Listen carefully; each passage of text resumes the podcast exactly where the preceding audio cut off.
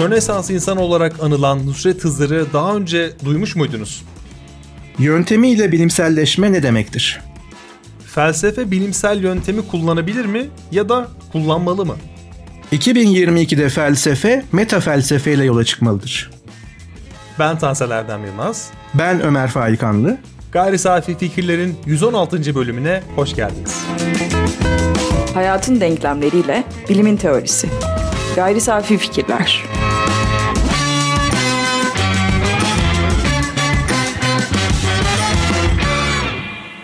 Bilim ve felsefe tartışmasında her zaman bir dirsek temasından bahsedilir. Biz de gayri safi fikirlerde çok fazla bahsediyoruz.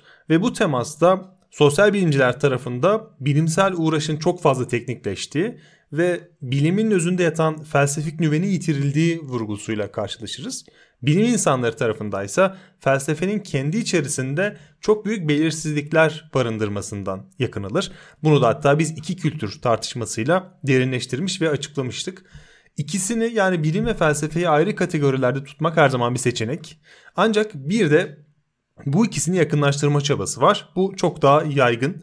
Biz gayri safi fikirlerde bu çabayı dünya felsefe tarihinden atıflarla ya da örneklerle yapmak yerine bu bölümde Türkiye felsefe tarihinden kıymetli bir tartışmayı ele alarak görmek istedik.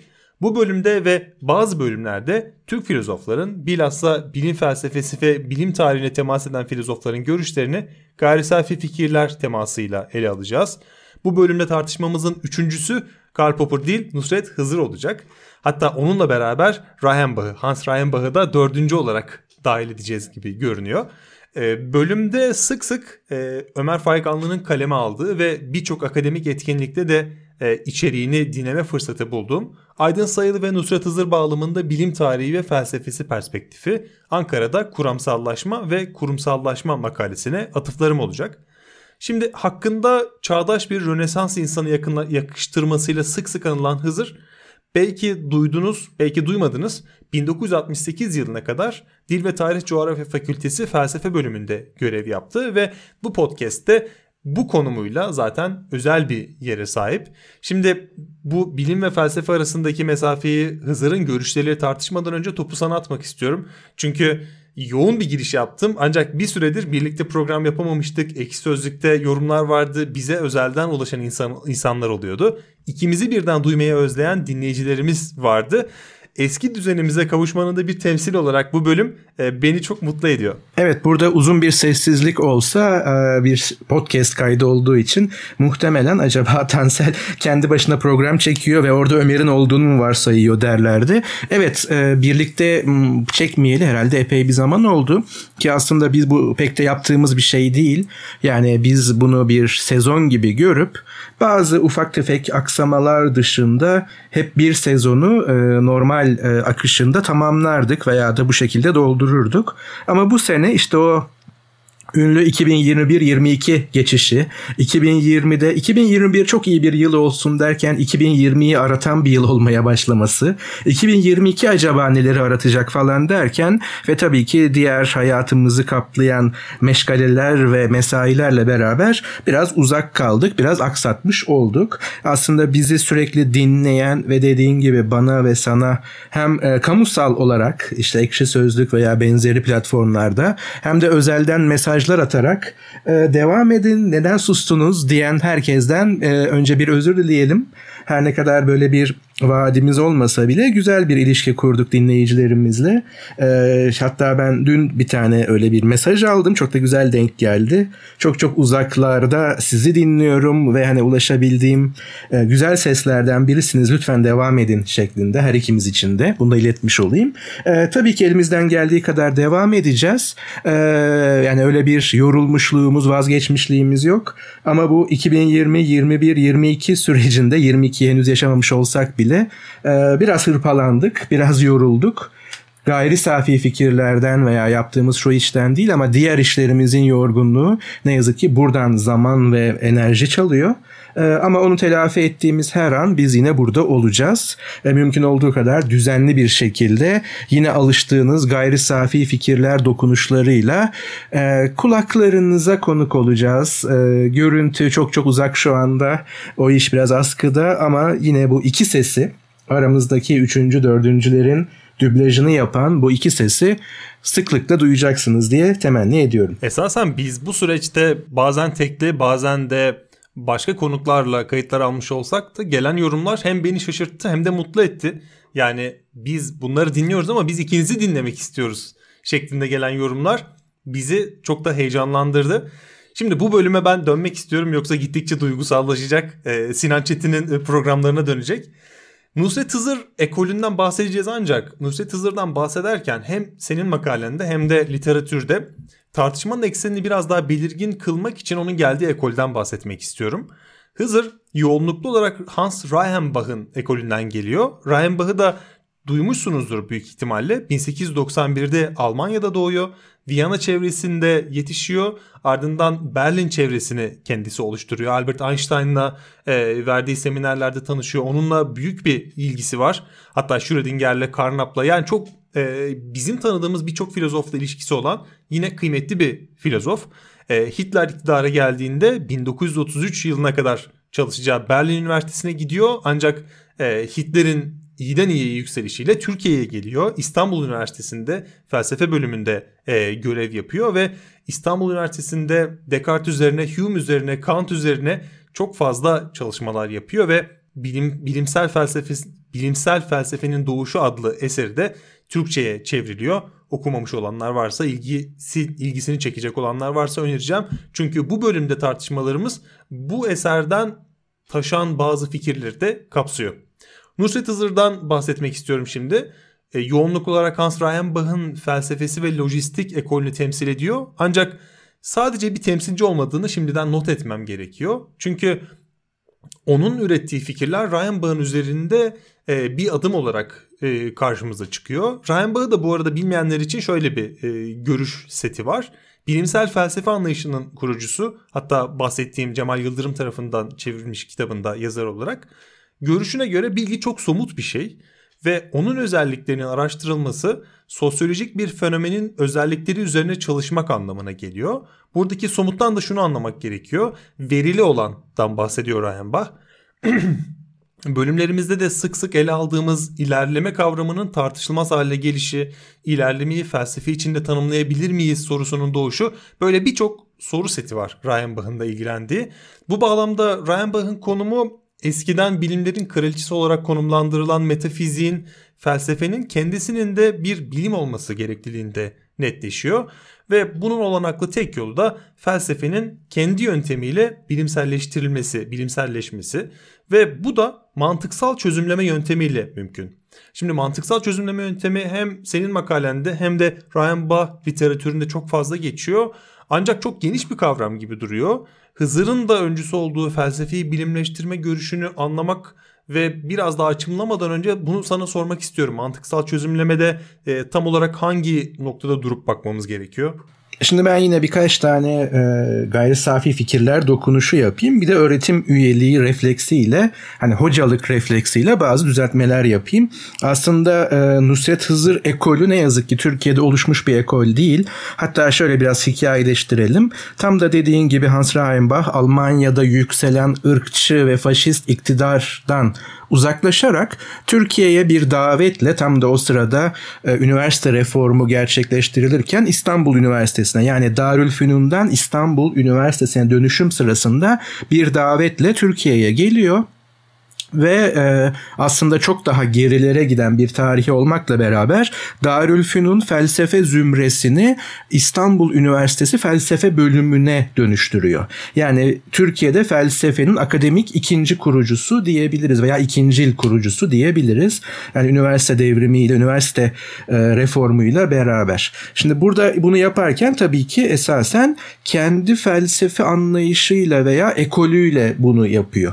Hatta burada o kadar kadar e, farklılaşmalar var ki çünkü Reinbach öncesi Türkiye'nin felsefe geleneği daha e, kıta Avrupa'sına yakın ve daha tarihsel bakan bir felsefe yaklaşımı ama Reinbach bir neopozitivist olarak e, felsefe ile bu felsefenin metafizik e, kısmını ve edebiyatı birbirinden net çizgilerle ayırıyor. Hatta şöyle bir şey anlatılır. Bergson kitaplarını ait olduğu yere tabii kendi ifadesiyle edebiyat fakültesine, edebiyat kütüphanesine göndermiş gönderiyor. Bergson'un felsefede olmaması gerektiğini düşünüyor. Çünkü tam da dediğin gibi bir tür bilimselleşen felsefe, düzeltmem şu, bilim olan felsefe bilime dönüşen değil, yöntemiyle bilimselleşen felsefe yaklaşımı var. Tam da bir neopozitivist yaklaşım uygun bir şekilde ve burada tabii ki hoş tesadüfler de var. Çünkü tarihin akışı hiçbir zaman öyle determinist belirlemeler şeklinde ilerlemiyor. Bu tesadüf nedir? Tabii ki Reinbach Türkçe bilmeyerek Türkiye'ye geliyor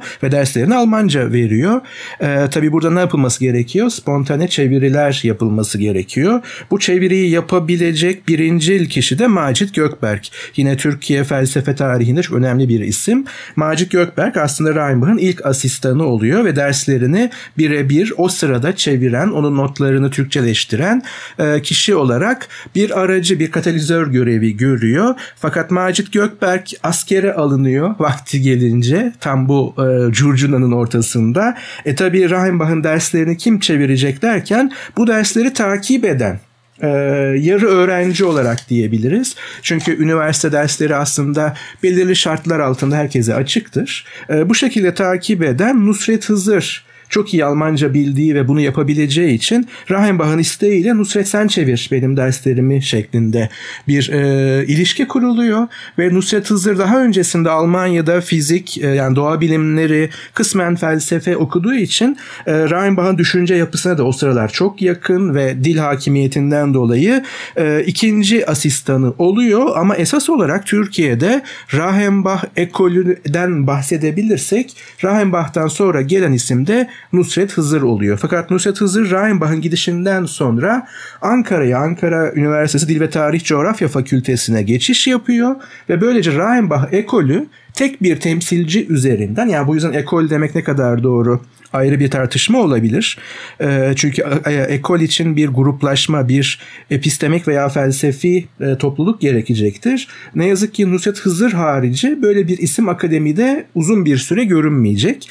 Nusret Hızır'ın da bu anlamda çeşitli sebeplerden dolayı e, öğrencisi olmadığı için bu ekol olarak devam ettirecek şekilde yani Türkiye'de Berlin çevresinin neopozitivist bilim felsefesinin akademideki temsili çok güçlü bir şekilde başlayıp Hans Reichenbach'la Nusret Hızır'la devam edip orada noktalanıyor diyebiliriz. Daha sonrasında belki konuşuruz ama işte ODTÜ'de e, Theo Grunberg ekolüyle analitik felsefe ile ilişkili veya da işte neopozitivizmle ilişkili daha sonra mantıkçı pozitivizmle ilişkili bir ekolleşme daha olacaktır. Ee, ancak ne dil tarihte ne de İstanbul Üniversitesi'nde Nusret Hızır sonrası bu ekolün devam etmediğini görüyoruz. Ee, bunu söyleyeyim ama şöyle güzel şeyler de var. Mesela Reinbach Türkiye'ye geldiğinde e, eğer doğruysa aktarım tabii ki. Mesela Uludağ'da e, kayak turizminin yapılabileceğini ilk fark eden kişilerden biri. Hatta ilk fark eden kişi olduğu söylenir döneminde 30'lu yıllarda. Çünkü e, tam bir Alman ekolü olarak sadece akademi ve duvarlar içerisindeki bir filozof olmaktan ziyade belki Nusret Hızır Hoca ile de yakınlığı buydu. O Rönesans insanlığının da parçalarını tabii ki Türkiye'ye getirmiş oluyor. Nusret Hızır hakkında da tabii şöyle bir şey söyleyebilirim. Tam o hani başka kişilere atfedilen Hatta zaman zaman böyle Hollywood filmlerinde yabancı sinemala gördüğümüz bir karakter vardır. Böyle klasik müzik eserini çalanırken şey hangi eser, bestecisi kim ve şu anda kim yönetiyor orkestrayı bilgisini ayırt edebilecek kadar mesela bir müzik bilgisi var Nusret Hızır'ın. Ee, çok iyi bir gurme. Ee, tüm bu inceltilmiş zevkleriyle beraber tam bir evet belki de Rönesans insanı. Ama bununla beraber kendi ifadesiyle Nusret Hızır çok tembel, yazma konusunda çok tembel. O yüzden çok çok az eseri var yani yazılı olarak. Ama e, sözel etkisi ve bireysel etkisi çok fazla. Çünkü şu an Türkiye'nin sosyal bilimler alanında özellikle önde gelen işte İlber Ortaylı ilk aklıma gelenlerden ve e, pek çok başka isme varıncaya kadar e, özel dersler veriyor. Özel dersleri tabii ki bugünkü jargonla düşünmeyin. Yani üniversiteye hazırlık özel dersleri gibi değil. E, Ayşe abla e, okulunun e, binası kullanılıyor ve orada böyle her hafta belirli günler felsefe söyleşileri, Nusret Hızır'ın dersleri oluyor. Akademi dışı e, gayri resmi şekilde ve işte buraya katılan o zamanın öğrencileri veya e, entelektüelleri bugünün çok önde gelen sosyal bilimcileri ve akademisyenleri yani Nusret Hızır'ın etkileri doğrudan ve dolaylı aslında ekolleşmese bile çok çok önemli yerlere uzanıyor. Ama Nusret Hızır da kendi yaşamında bir farklılaşma yaşıyor. Çünkü kendisi de bir noktadan sonra neopozitivist veya mantıkçı pozitivist felsefeyi yani bilimsel felsefeyi, bilimselleşen felsefeyi terk ederek biraz daha diyalektik materyalizme döndüğü veya oralarda düşünmeye başladığı bir dönemi var. Yani kendi içerisinde bir dönüşüm yaşıyor Nusret Hızır. O yüzden Türkiye'de bilim felsefesi anlamında bir bilimsel felsefe ekolü en azından akademi içi çok da mümkün olmuyor diyelim. Şimdi burada tabii ki şöyle bir şey diyelim. Bilimselleşen felsefeden ne anlayacağız? Çünkü biz şimdi bilimle felsefe işte birbirinden ayrıldı. Felsefenin içinden bilim çıktı. Çeşitli tezler, hipotezler öne sürmek mümkün bu ilişkiye dair. Ama buradaki problemli kısım aslında bilim değil, felsefe kısmı. Çünkü kendi neliğini yani ne olduğunu tartışabilen ve hala kendi alanında kalan yegane disiplin veya düşünme, araştırma, biçimi, araştırma programı. Yani fizikçi fizik nedir diye sormaz veya bu soruyu sorduğu zaman fizikçi değildir. Bunu fizikçi olarak sormuyordur. Ya da bir kimyacı e, ben kimya nedir sorusu kimya ile ilgili bir sorudur demez veya diyemez. Ama felsefe nedir sorusunun kendisi felsefi bir sorudur. İşte bu yüzden problemli olan kısım felsefe ve felsefenin tek bir tanımının olduğu veya tözel bir varlığının olduğu yani tek bir felsefe vardır ve neyse odur ya onu yaparsınız ya onun dışındasınızdır ya işte filozofsunuzdur ya değilsinizdir gibi net bir sınır çizmek mümkün değil. Böyle bir sınıra da belki de ihtiyaç yok. Ama bu da bize her sınırların ortadan kalktığı, flulaştığı, grileştiği, geçişkenliklerin olduğu yerde çıkan problemle yüzleştiriyor. O zaman felsefe her şeyse hiçbir şey demektir. Peki felsefeyi nasıl tanımlayacağız? Burada neden bunun üzerine konuşuyoruz? Çünkü bilimsel felsefeyi ve belki de mantıksal çözümlemeyi veya dil çözümlemesini netleştirebilmek için. Şimdi Tabii ki bir de bir sorunun bağlamı, zamansal bağlamı var. Neyi kastediyorum? Şimdi bilimlerin çağında yani 20. yüzyılda özellikle Hans Reinbach ve Nusret Hızır'ın ilk döneminden bahsediyorsak felsefe nasıl olacak da varlığını sürdürecek ve bu yüzyılın bu çağın ruhuna nasıl uygun bir felsefeden bahsedeceğiz. Yani atomu parçaladığımız e, bir dönemde atom enerjisinin artık her anlamıyla belirleyici olduğu bir dönemde nükleer enerjinin kuantum teorisinin geliştirildiği, kimyanın kendi yolunda ilerlediği, uzay yarışının kızışmaya başladığı 30'lardan sonrası 45'ten sonrası diyelim 2 Dünya Savaşı sonrası bir dünyada felsefe veya ilk felsefe ne olacak? Yani felsefe nasıl yapılanacak? Olacak. Şimdi felsefe acaba zaman boyunca hiç değişmeyen bir şey mi? Yani Platon her ne yapıyorsa, Sokrates her ne yapıyorsa, hatta kronolojik kökenler anlamında Thales her ne yapıyorsa, bugünkü de onu mu yapıyor veya her çağda aynı şey mi yapıldı gibi soru dikkat edin tekrar felsefi bir soruya düşer. Rahenbach'ın ve tüm neopozitivistlerle beraber düşündüğü şey şuydu. Eğer episteme yani bilgi üretme, sağlam ve güvenilir bilgi üretme bayrağı, meşruiyeti bilime geçtiyse böyle bir dünyada felsefe bilimi konu edinen bir duruma gelmelidir. Tabii ki çok geniş bir kavram içerisinde e, ontoloji yani varlık felsefesi, epistemoloji yani bilgi felsefesi geniş anlamlarıyla ve aksiyoloji yani değerler felsefesi yani est, et, e, etik, estetik ve politik felsefeyi buraya katabiliriz. Varlıkları nasıl sürdürecek? Mesela politik bilimler veya siyasal bilimler varken e, sosyal felsefe yani kağıt üzerinde sadece akıl yürüterek, düşünerek üretilebilecek olguları konu edinmeyen bir düşünme biçimi halen politika için anlamlı mıdır veya da çözüm üretebilir mi? Ya da e, bilim, fizik, kimya, biyoloji, temel doğa bilimleri ve artık 1930'lardan sonrasından bahsediyoruz. Temel sosyal bilimler mevcudiyetini kazanmış ve kendi araştırma programlarını yürütürken yine sadece kavramları kullanarak, düşünerek, olgulardan soyutlamalar yaparak bir düşünme biçimi hala işlevsel olabilir mi? Yani hala metafiziğe, fizik ötesi Türkçeleştirirsek yani e, böyle bir alana ihtiyaç var mı? Varsa bile bu nasıl meşruiyetini kanıtlayacak? Şimdi bu sorular gündemdeyken ve 20. yüzyılın tüm o rüzgarı, bilim rüzgarı arkadan iterken her şeyi, yelkenleri doldururken Hans Reichenbach'ın ve tüm neopozitivistlerle ortak bir şekilde yaklaşımı şuydu. Bilgi üreten değil, bilgi üretimini konu alan bir konu. Peki bilimi bilim kılan, bilimi başarılı kılan şey neydi? Aslında biz bunu pek çok programda dillendirmiştik. Standartize edilebilir bir yöntemle kendini sınanabilir kılması. Standartize edilebilir bir yöntemle kendini daima sınanabilir kılması. Şimdi buradaki aslında trik standartize edilebilir bir yöntem.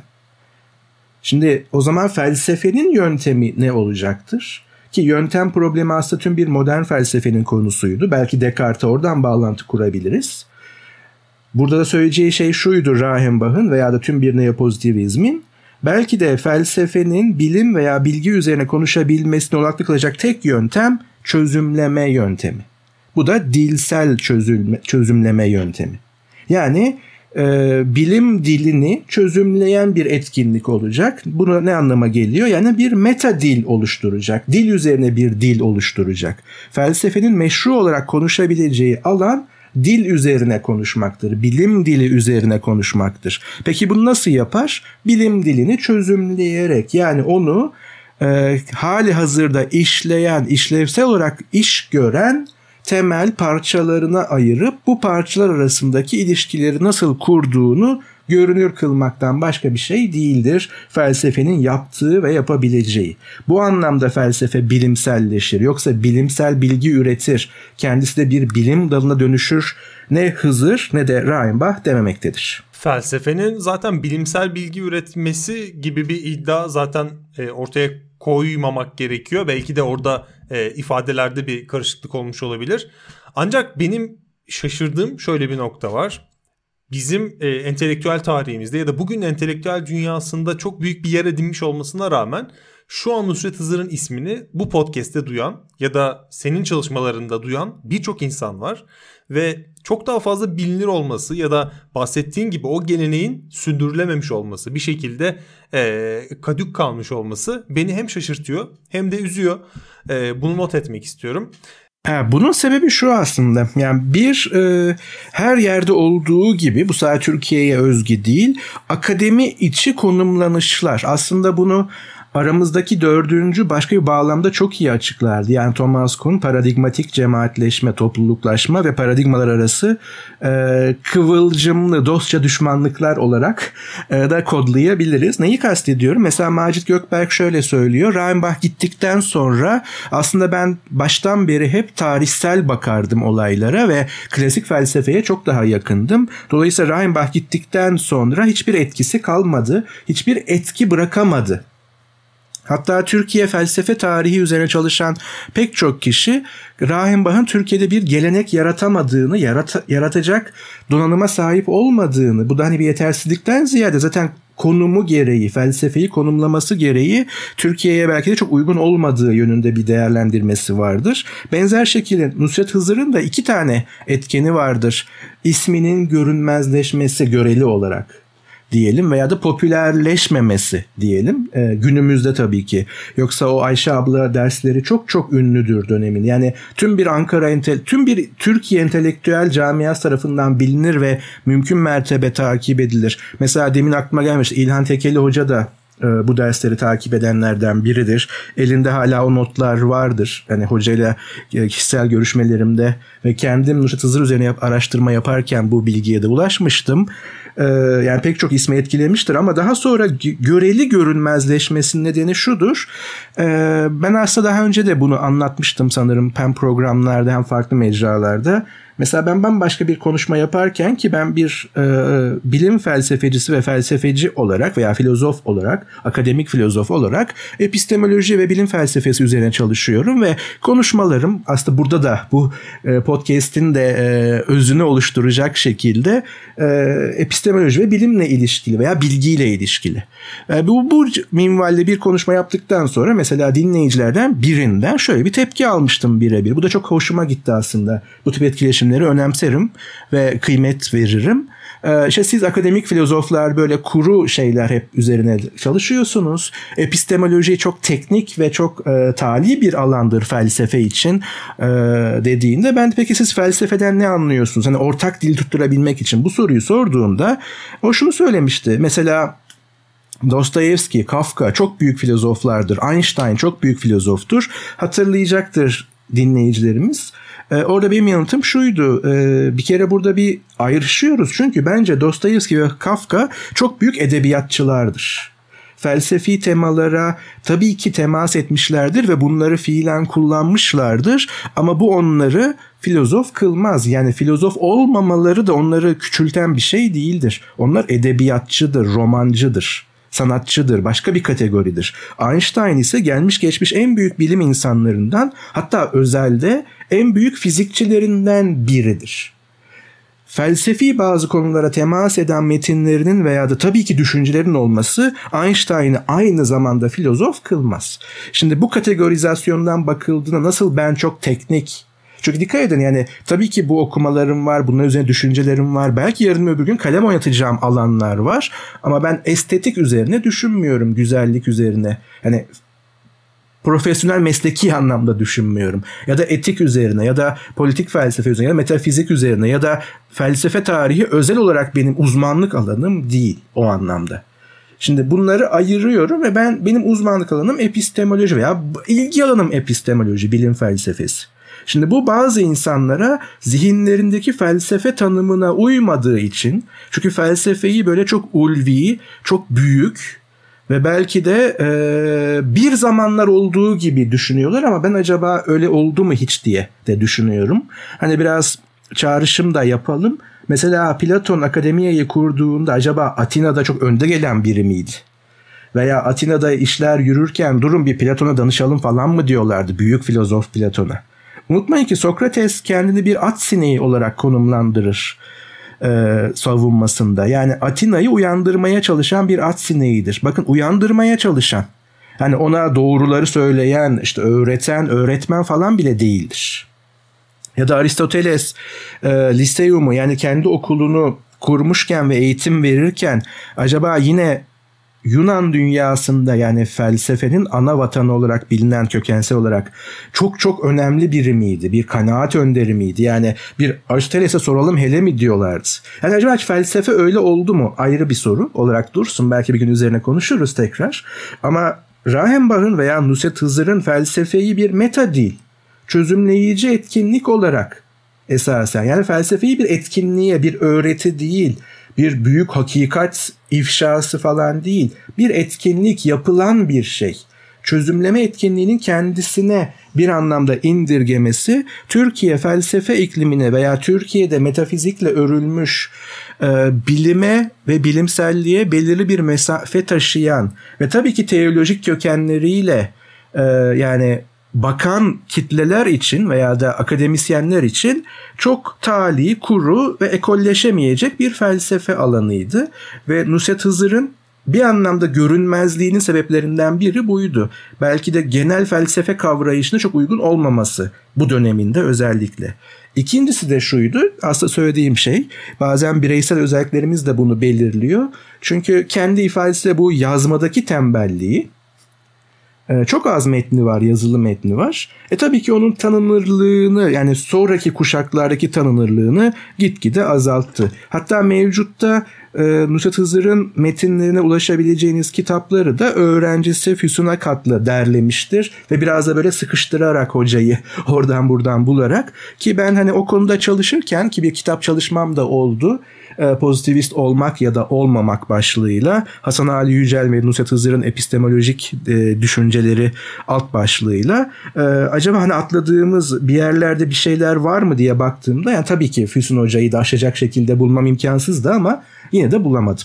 İşte bu ikisi birleşince Türkiye felsefe camiası veya da ekolü için Nusret Hızır özellikle bu e, neopozitivist evresiyle görünmezleşen bir müthiş aydınımız veya da müthiş bir entelektüelimiz diyelim. Ama bireysel etkilerinin çok tabii ben yetişemedim ama dolaylı olarak duyduğum ve okuduğum bireysel etkilerinin çok daha fazla olduğu.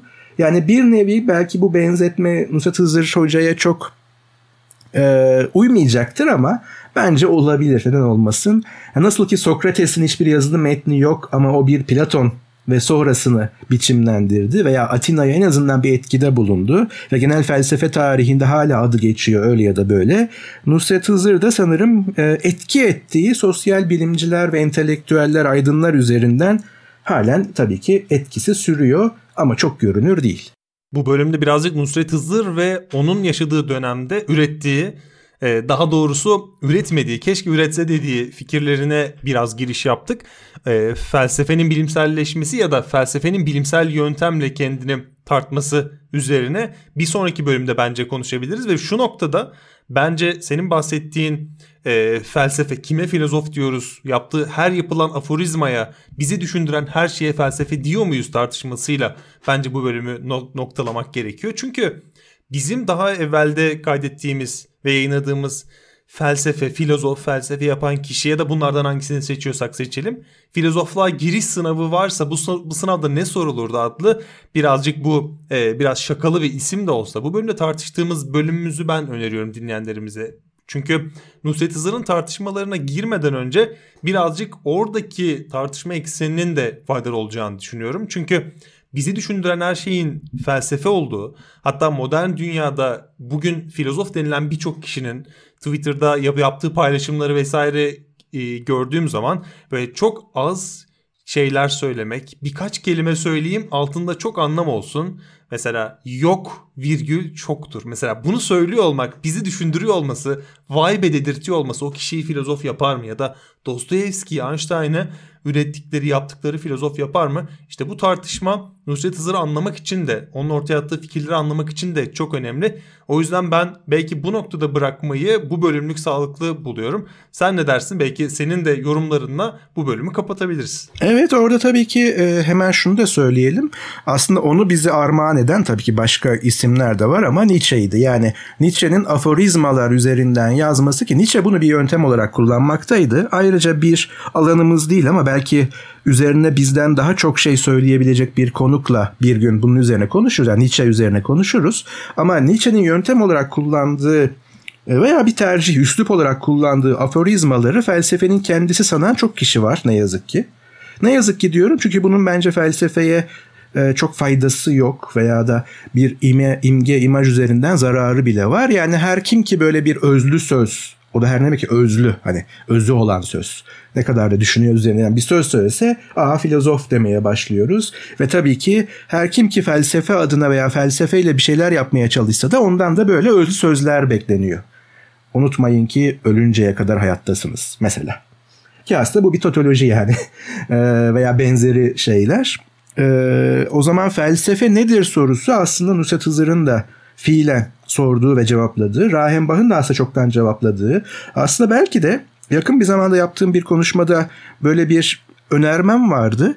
Bize e, bilmiyorum var mı bir ara kulağımıza geliyordu. Gayri safi fikirlere yönelten en önemli eleştiri kabul ettiğimiz, hoşumuza giden eleştiri.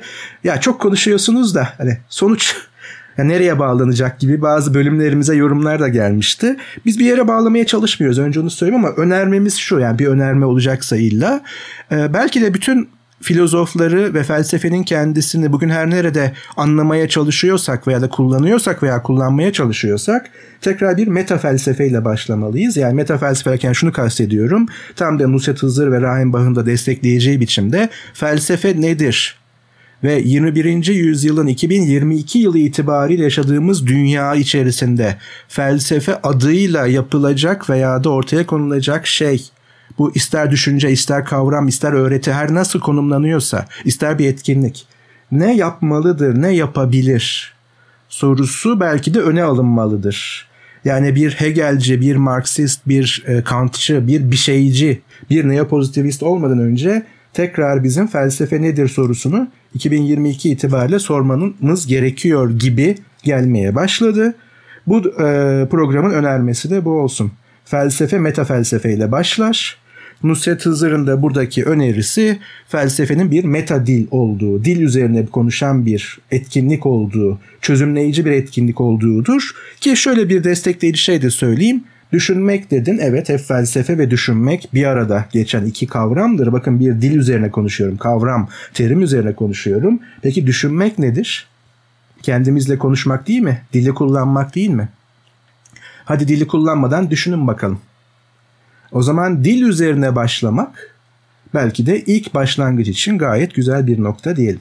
İlerleyen bölümlerde bu konuya ele alacağız. Ancak şimdilik bu felsefe tartışmasında bence bırakmakta fayda var. Bizi Twitter'da, Instagram'da ve Ekşi Sözlük'te takip edip eleştirebilirsiniz. YouTube kanalımızı takip alabilirsiniz. gayrisafifikirler.gmail.com üzerinden görüşlerinizi bizimle paylaşabilirsiniz. Sorularınızı ve yorumlarınızı merakla bekliyoruz ve ilgiyle okuyoruz. Bir sonraki bölümde görüşmek üzere. Görüşmek üzere. Hayatın denklemleriyle bilimin teorisi. Gayri safi fikirler.